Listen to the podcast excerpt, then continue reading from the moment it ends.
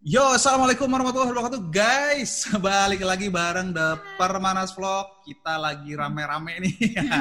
Oke, uh, kita punya something special hari ini dan mungkin nanti ke depannya kita akan bikin beberapa konten yang seperti ini. Jadi basically ini berawal dari kemarin Papa Agung itu ngobrol dengan ada ponakan ya. Uh, terus kemudian menyadari bahwa begitu banyak hal yang Papa Agung nggak tahu tentang anak-anak uh, dan itu bisa menyebabkan gap antara orang tua dengan anak gitu. Nah, jadi kita niatnya tuh mau bikin kayak podcast ngobrol-ngobrol ringan aja sama nanti ada ada ponakan-ponakan lah atau dengan siapa pun nanti anak-anak muda mungkin banyaknya dengan uh, ponakan yang keluarga kami gitu ya intinya sih mau menjebatani antar generasi supaya yang tua tuh ngerti yang muda yang muda punya suara untuk ngomong ke yang tua hal-hal yang terjadi di dunia mereka gitu nah hari ini bareng sama Mama Indah di sini kita mau ngobrol sama ini kita kedatangan tamu istimewa. Namanya adalah Teh Aya uh, Raisa Nayara Dewi Prakasa. Teh Aya ini anak tertua dari kakak nomor duanya Papa Agung. Uh, kita mau ngobrol nanti ada beberapa session lagi bahas macam-macam hal tapi mungkin Teteh Aya buat uh, para subscriber viewers The Permanas Vlog ini banyak yang belum kenal boleh Teteh Ayah kenalin umur sekolah segala macam kegiatannya apa Teh? Boleh Teh? uh, ya namanya nama aku Raisa Nayara Dewi Prakasa panggilnya Ayah biasanya atau Raisa juga nggak apa-apa. Uh, kelas 9 uh, 14 tahun terus apa lagi? Eh kelas 9 itu berarti apa sih SMP ya Teh ya?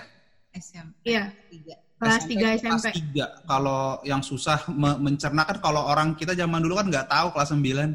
Jadi SMP kelas 3. Jadi sebentar lagi mau SMA ya Teh ya. Iya. um, jadi uh, kita akan bahas banyak hal yang seru-seru yang mungkin nanti bisa bikin kita ngerti gitu tentang dunia anak muda zaman sekarang gitu. Cuman untuk episode pertama ini kita mau ngobrolin sama Teh Ayah itu tentang bagaimana pandemi dan impactnya ke pandemi COVID-19 dan impactnya ke anak-anak muda tuh seperti apa gitu ya Teh ya. Uh, nanti mungkin nanti ya. Teh Ayah juga katanya udah ada apa melakukan research gitu ya terkait ini juga tapi uh, mungkin kita uh, mulai dengan beberapa kita pengen tahu aja sih ngobrol-ngobrol aja. Jadi kalau pandemi gini kegiatan Teh Ayah gimana Teh? Yang berbeda gitu antara sebelum dan sesudah pandemi tuh yang paling ngerasa beda tuh apa Teh? Yang pasti sekolahnya sih ya. Soalnya aku kan termasuk anak yang aktif kalau di sekolah. Kalau di sini jadi cuman majoritinya kegiatannya cuma yang ngerjain tugas gitu. Kalau misalnya di sekolah ada kegiatan-kegiatan yang lain. Oh, kegiatannya apa aja teh kalau sekolah biasanya sebenarnya sebelum dan sesudah tuh bedanya apa gitu?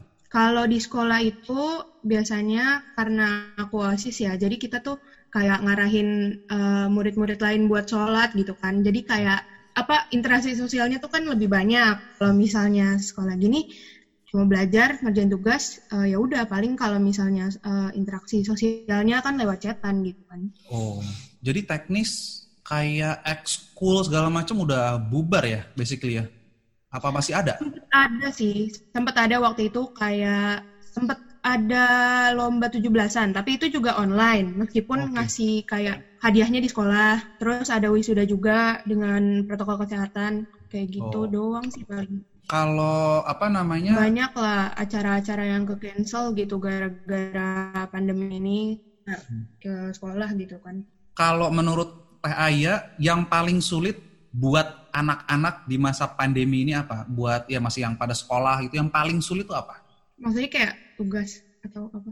Ya nggak tahu. Maksudnya kalau Mang Agung nih e, ngerasanya yang paling sulit adalah tadinya kan kerja ya nggak. Terus kalau mau koordinasi ketemu dengan orang tuh cepat, mau meeting cepat. Kalau ini kan kita harus bikin invitation dulu, terus kemudian harus make sure kadang-kadang putus-putus lah apa lagi meeting itu sih paling yang yang paling sulit apa kalau menurut Teteh ini di masa kayak gini?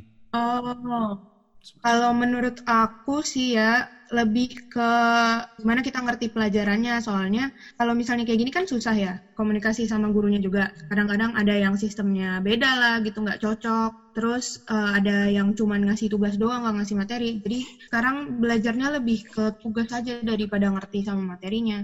Nah itu itu yang susah sih menurut aku Jadi artinya ada yang tadinya tuh tersampaikan dengan baik gitu misalnya mata uh, mata pelajaran terus karena adanya pandemi ini tapi kan sebenarnya bisa kalau tadi misalnya tete, tete ayah bilang oh dia cuma ngasih tugas doang tapi kan sebenarnya dia bisa aja ngasih materi juga.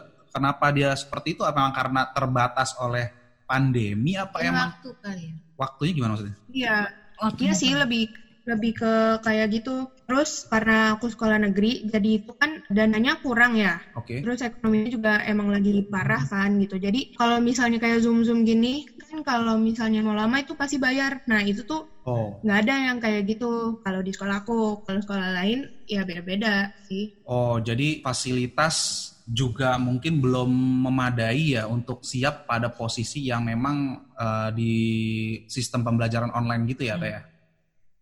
Ya? Lanjut, Teh. Bisa. Udah bisa. Kenapa ya? iya, dia lagi. Nah, itu salah satu contoh sulitnya tuh kalau kita online gini kan, ada aja tuh technical Iya. problem selalu ada aja. Ya ya. Ya, ya, ya.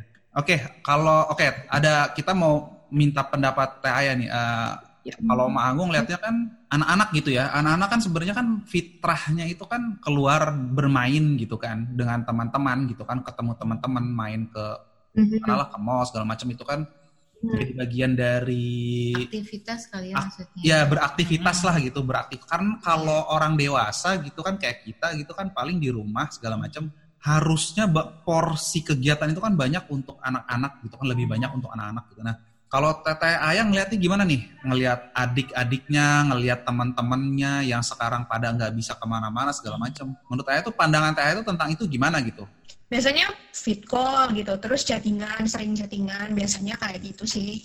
hmm. Palingan kayak gitu doang, ya nggak bisa ngapain lagi kan. Iya sih, tapi uh, kalau dari sisi kegiatan gitu kan artinya tetap ada yang bisa dilakukan nggak sih bersama-sama walaupun di rumah masing-masing gitu? Masih ada kok, masih ada. Banyak lah. Misalnya apa teh? Misalnya kayak mungkin mabar atau bikin TikTok bareng, bikin video bareng gitu kan. Bikin video bareng gimana caranya teh? Nyanyi bareng sambil fit call. Oh, kalau bikin video bareng gimana caranya? you can do. Hah? Sorry? Bikin video kita bisa aja gitu, bikin video so, apa apa bikin video satu, satu orang sendiri-sendiri gitu kan. Terus nanti Oh. digabungin kayak gitu. Oh, oke oke oke oke. Jadi memang seputar itu aja kirim-kiriman video apa gitu ya atau barang-barang. Kalau misalnya alright, bentar-bentar. Oh iya, ada tempelan. Oke, sekarang Oke. Teteh Ayah pindah tempat karena biar dapat yang bagus Iya nih sinyalnya. biar sinyalnya jelas ya. Mudah-mudahan nggak nggak ini lagi ya, susah lagi nih sinyalnya. Ini lagi nih teh, eh, Binda mau nanya, kalau misalkan belajar online yang kayak sekarang ini tuh, menurut Teteh tuh efektif nggak? Kataku kadang-kadang efektif, kadang-kadang enggak. Karena kan eh, sistem guru-guru, kalau di sekolah aku guru-gurunya tuh sistemnya beda-beda ya. Ada yang eh, ngasih materi yang mereka buat sendiri atau ngambil dari YouTube atau Hmm. kayak gitu. Jadi kadang ada yang efektif, ada yang enggak. Tapi kalau misalnya aku pribadi sih, kalau cuma dikasih materi aja gitu ya, maksudnya cuma materi tulis, kata aku kurang efektif. Karena aku kurang bisa kalau misalnya belajar cuman tulisan doang gitu. Lebih kayak, aku sih lebih ke audio visual gitu. Jadi ada suara, ada gambarnya juga. Jadi otak aku lebih fokus. Berarti malah lebih cocok pakai YouTube dong kalau gitu, Teh Teh Ayah. Iya, kalau misalnya aku lebih ke video-video gitu, ke YouTube gitu, atau video call gitu bareng gurunya, Zoom, Jimit, kayak gitu. Oh, Eh, ini maksudnya mereka tuh ngambil konten yang udah ada di YouTube buat jadi materi pelajaran gitu? Iya, kadang-kadang mereka ya, mereka yang upload sendiri, terus nanti baru di-share pakai link YouTube-nya. Kenapa mereka enggak? Maksudnya gini, kenapa dia tidak langsung deliver lewat video? Itu apa memang karena teknis itu masalah teknis atau kenapa gitu? Enggak, ada juga ada yang kayak gitu, jadi emang beda-beda sih, tergantung Oh, aja beda-beda. gurunya mau ngirim lewat apa. Oh, nggak ada standarnya gitu ya? Nggak standar ya? Beda-beda. enggak ada. Mungkin kalau misalnya sekolah swasta ada mungkin ya, kayak Lea itu belajar pakai Zoom tiap pagi, terus baru nanti ada tugas. Eh bentar, emang Teteh berarti nggak setiap hari belajar pakai Zoom? Enggak, jarang banget pakai Zoom gitu atau Google Meet. Kebanyakan sih emang pakai Google Meet, tapi itu juga jarang. Oh, Nah, itu gitu. aku aku jadi kurang ngerti. Oh, karena kan kalau di sini kan Gani every single morning gitu ya? Iya. Nah iya sama Lea juga kayak gitu. Aku enggak. Oh, beda-beda ya. Jadi kalau berarti cuma dikasih, oh baca ini, baca itu gitu kali ya? Iya. Nah kalau misalnya itu sama aku kurang efektif karena gimana ya nggak ada interaksinya juga gitu sama guru. Oh, jadi, jadi, kalau misalnya nanya-nanya, Oh, ini nggak nggak ada waktu zoomnya gitu. eh, jarang ya. Ada tapi jarang gitu ya. ada kita ada jadwal belajar terus dibagi di dua sesi gitu loh. Jadi eh, dari jam tujuhan gitu sampai jam 9 ada empat pelajaran masing-masing 40 menit. Nanti diulang lagi nanti ada istirahat baru nanti diulang lagi sampai jam satuan. Tapi itu juga kadang nggak sesuai jadwal sih bebas aja lah gitu. Yang penting tugasnya ada deadline-nya gitu. Jadi kerjanya sesuai deadline terus ya udah sih gitu doang paling Tugasnya dikumpulinya lewat apa teh? tergantung gurunya ter- eh, lewat WA atau lewat web web yang disediain sama Kemenak terus Web apa tuh teh? Sorry, teh. Itu web apa teh tadi teh? Kenapa? Web apa itu? Nak? web web belajar e-learning e-learning yang disediain sama Kemenak Oh, jadi dari Kemenak ada website yang bisa dipakai buat belajar dan submit tugas. iya bisa Oh. mereka mungkin kayak ada partnership gitu sama Jitsi juga jadi Iya. pokoknya di situ ada fitur Jitsi-nya gitu loh Oh, kayak Google Meet gitu lah terus masuknya bikin ID dulu, bikin akun dulu. Enggak, kita masuknya pakai NISN sama password yang udah dikasih ke eh, masing-masing murid. Oh, udah dibikinin. Oh, tinggal Ya. pakai aja ya. Oh, oke oke oke. Terus jadi enggak eh, kan kalau si kayak si Gani ada beberapa sekolah yang pakai kayak Edmodo gitu, Teteh nggak pakai berarti. Ah, itu apaan? Enggak sih. Iya. Ya, basically Enggak tahu itu apaan. Iya, jadi dia aplikasi buat belajar Edmodo terus Naruh-naruh tugas juga. ah jadi dia bisa deliver jadi bisa bisa bikin kelas-kelas terus bisa deliver material untuk belajar di situ. small apa? Small group gitu ya. Iya bikin si small groups untuk kayak kelas-kelasnya gitu terus bisa submit tugas di situ segala macam. Terus ada schedule-nya, ada deadline-nya di situ gitu. Ah, itu eh, web itu mirip sama kayak apa tadi itu? Edmodo. Nggak tahu aku.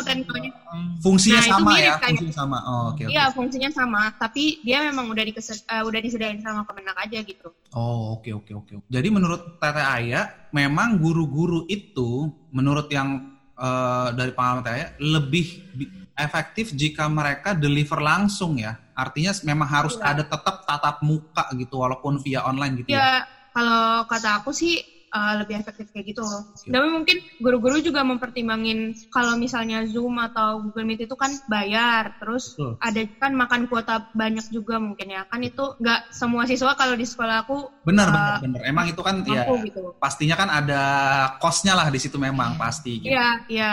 Oke. Tadi katanya Aya nih ngobrol-ngobrol katanya sudah melakukan suatu survei kecil-kecilan mengenai itu. Iya. Nah, boleh ceritain nggak Teh? Eh, gimana sih apa yang sudah dilakukan segala?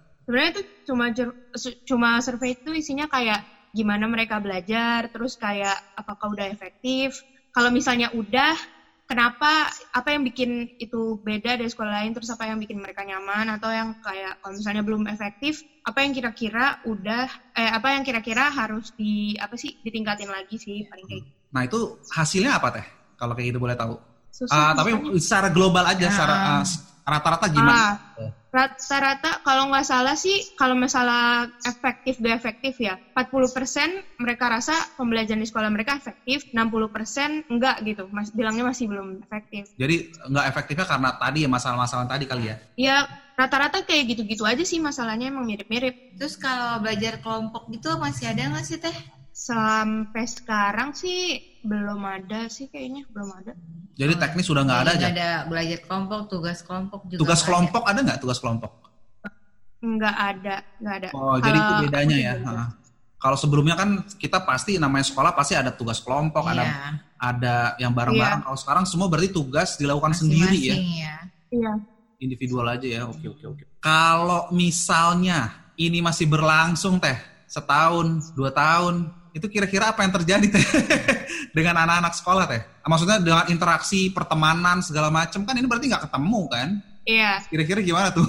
menurut menurut aku kalau misalnya kayak temenan gitu sih gampang sih ya. Sekarang kan udah pada pinter-pinter teknologi, jadi kayak komunikasi kayak gitu nggak susah lah. Cuman kalau masalah edukasi itu sendiri, itu emang agak mengkhawatirkan kalau menurut aku sih. Apalagi kalau sekarang kan ini Teteh kan udah kelas 3 ya. Itu kan pasti Iya. ngaruh banget ya apalagi udah mau Lulusan eh, lah nanti. apa namanya tuh ujian akhir kan Ah. ya. Itu cara belajarnya juga kan biasanya kan ada kayak tambahan-tambahan tuh Teh. Itu ada Hmm. nggak ya Teh? Ada nggak Nggak ada sih. Nggak ada. ya? Jadi benar ada. sendiri aja. Ah, Iya, paling ada program prestasi tahfiz gitu. Karena eh, aku sekolahnya MTS, jadi kan banyak yang bakal lanjut ke MAN kan, eh Hmm. MA gitu kan, madrasah aliyah yang setingkat SMA. Jadi program itu kalau misalnya kita udah nyelesain, nanti kayaknya tuh bisa masuk MA langsung gitu tanpa tes. Kayaknya sih gitu doang. Jadi kayak ada peringa- keringanan ya untuk itu ya, yang Iya. untuk masuk ke Iya. MA-nya ya. Tapi kalau yang untuk mau pindah bukan masuk ke MA-nya mungkin harus ada apa sih kayak ada tes-tes lain ya di luar ya gitu ya. Ya paling dulu sih masih ada bimbel gitu, masih ada bimbel lah sedikit-sedikit, tapi sekarang udah nggak ada. Ya sekarang katanya kan masuk sekolahnya juga caranya udah beda kan, dilihat dari rapot kayak gitu-gitu paling. Oke. Nah, tadi juga menarik tuh yang Teteh, Teteh bilang tuh bahwa ini akan parah gitu. Nah, kenapa Teteh bilang gitu? Kenapa parah gitu, Teh? Kenapa? Bakalan parah kenapa? Ah percaya nggak percaya itu sekarang tugas tuh kebanyakan paling nyontek gitu kan nggak nggak bener-bener kita cari dari buku satu-satu kalau misalnya di sekolah kita kan masih kayak ngobrol bareng temen apa sih ngobrol bareng temen gitu diskusi Hmm. Terus kita cari-cari di buku satu-satu gitu kan. Sekarang Oh. kalau ada tugas, kalau misalnya ada soal-soal gitu, Google atau uh, dari temen. Tapi kan nggak masalah kalau Google. Yang masalah sih kalau kalau Mang Agung ya, kan mencari bahan di Google Hmm. sama mencari bahan di buku kan sama aja. Cuman itu beda media aja kan. Satu di buku, satu di Google. Yang masalah itu kalau dia nggak mau nyari di mana-mana, tapi cuman mau nyontek aja, Kayak cuman temennya. mau nyalin aja gitu dari temennya gitu paling sih. Iya. Kalau sekarang di Google sih banyak uh, ini ya jawaban yang udah langsung langsung jawaban gitu, udah di paling atas. Jadi ya tinggal salin aja. Jadi ya mirip-mirip gitu sih. jadi dia nggak ininya logiknya ya, tapi langsung dikasih tahu jawabannya apa gitu ya. Iya, iya. Meskipun ya ada juga gitu kalau misalnya mau nyari artikel lebih dalam, nyari jawabannya kayak sama di buku kayak di buku aja gitu kan. Tapi sekarang lebih banyak yang kayak jawabannya udah ada di atas gitu. Biasanya Nah, dia- artikel paling top biasanya di atas. pertanyaan-pertanyaan yang mau dikasih sama guru-gurunya biasanya yang udah kayak tersusun di satu apa sih mata em, tugas sekolah gitu masing-masing sekolah tuh sama dan jawabannya tuh udah kayak dibikin dari, Diknas gitu kali ya. Nggak tahu. Pertanyaan mama mungkin gini, Ah, apakah soal-soal ini iya. enggak lah? Ini kan untuk untuk untuk tugas ya. Tadi kan ngomongin tugas kan ini kan, teh.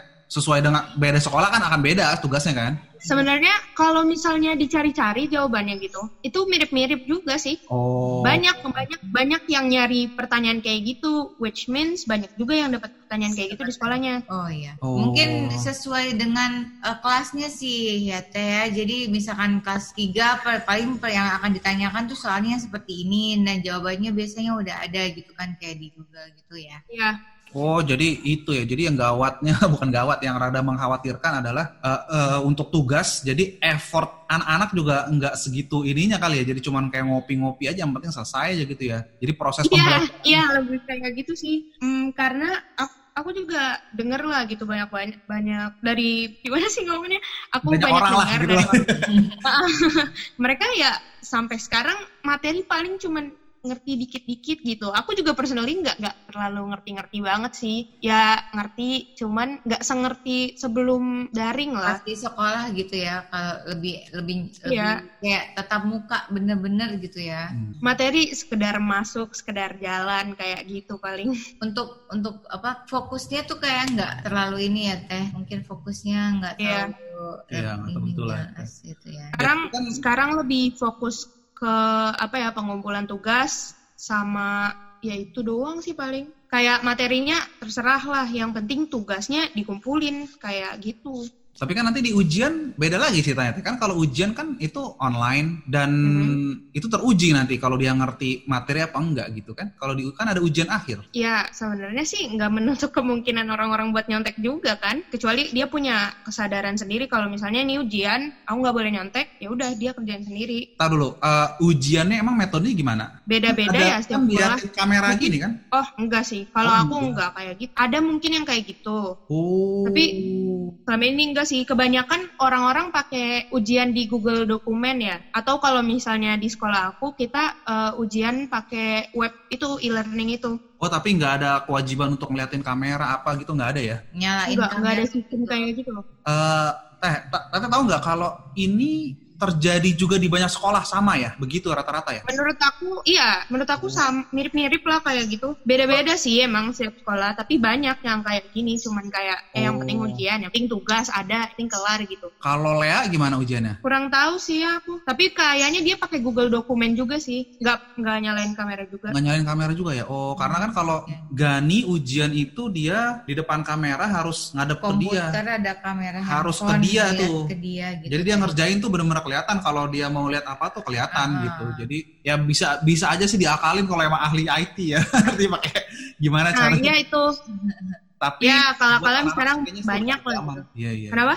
Ya, maksudnya kalau gitu kan masih lebih mendingan kali ya. Karena kelihatannya oh diliatin gitu kan. Oh jadi kalau di teteh tuh sama sekali nggak ada ya. Jadi bener-bener istilahnya kalau udah ada, udah ujian tuh nggak ada kamera apa pun, bener-bener kita ngerjain, habis itu dikumpulin gitu ya. Nah ini menarik nih karena kita nggak tahu sekolah-sekolah lain seperti apa. Oke, eh, teh cerita-cerita yang lulusan kemarin gimana teh? Lulusan di zaman pandemi ini kayak gimana sih ceritanya gitu? Mereka sih ya sama aja sih, lebih ke ya, pasrah yang penting ada nilai mungkin kayak gitu ya. Proses pelulusan sendiri kayak apa kayak kelulusannya segala macam kan semua online tuh. Kayak gimana sih kondisinya gitu? Maksudnya kayak gimana sih yang dirasakan? Gimana sih pada kan kan aku sendiri kan belum lulus tapi Ah. kalau misalnya dengar-dengar dari kakak kelas sih eh, sama ujiannya mirip-mirip kayak gitu paling apa ya tapi sebenarnya nggak ada yang beda sih cuman gitu-gitu doang memang mungkin eh, mereka lebih struggle ke sama sekolah-sekolah yang eh, gimana ya susah nerimanya kan so- soalnya kemarin kan pakai ini ya umur jadi banyak yang kepental gara-gara umurnya kurang jadi lebih ke sekolahnya aja daripada ujian sih Oh, jadi Oh. lebih cenderung ke umur ya daripada nilai-nilai Iya. sekolahnya ya. Nah, kesulitannya kesulitannya mungkin eh, umurnya segala macam. Jadi kalau dari sisi kelulusannya mah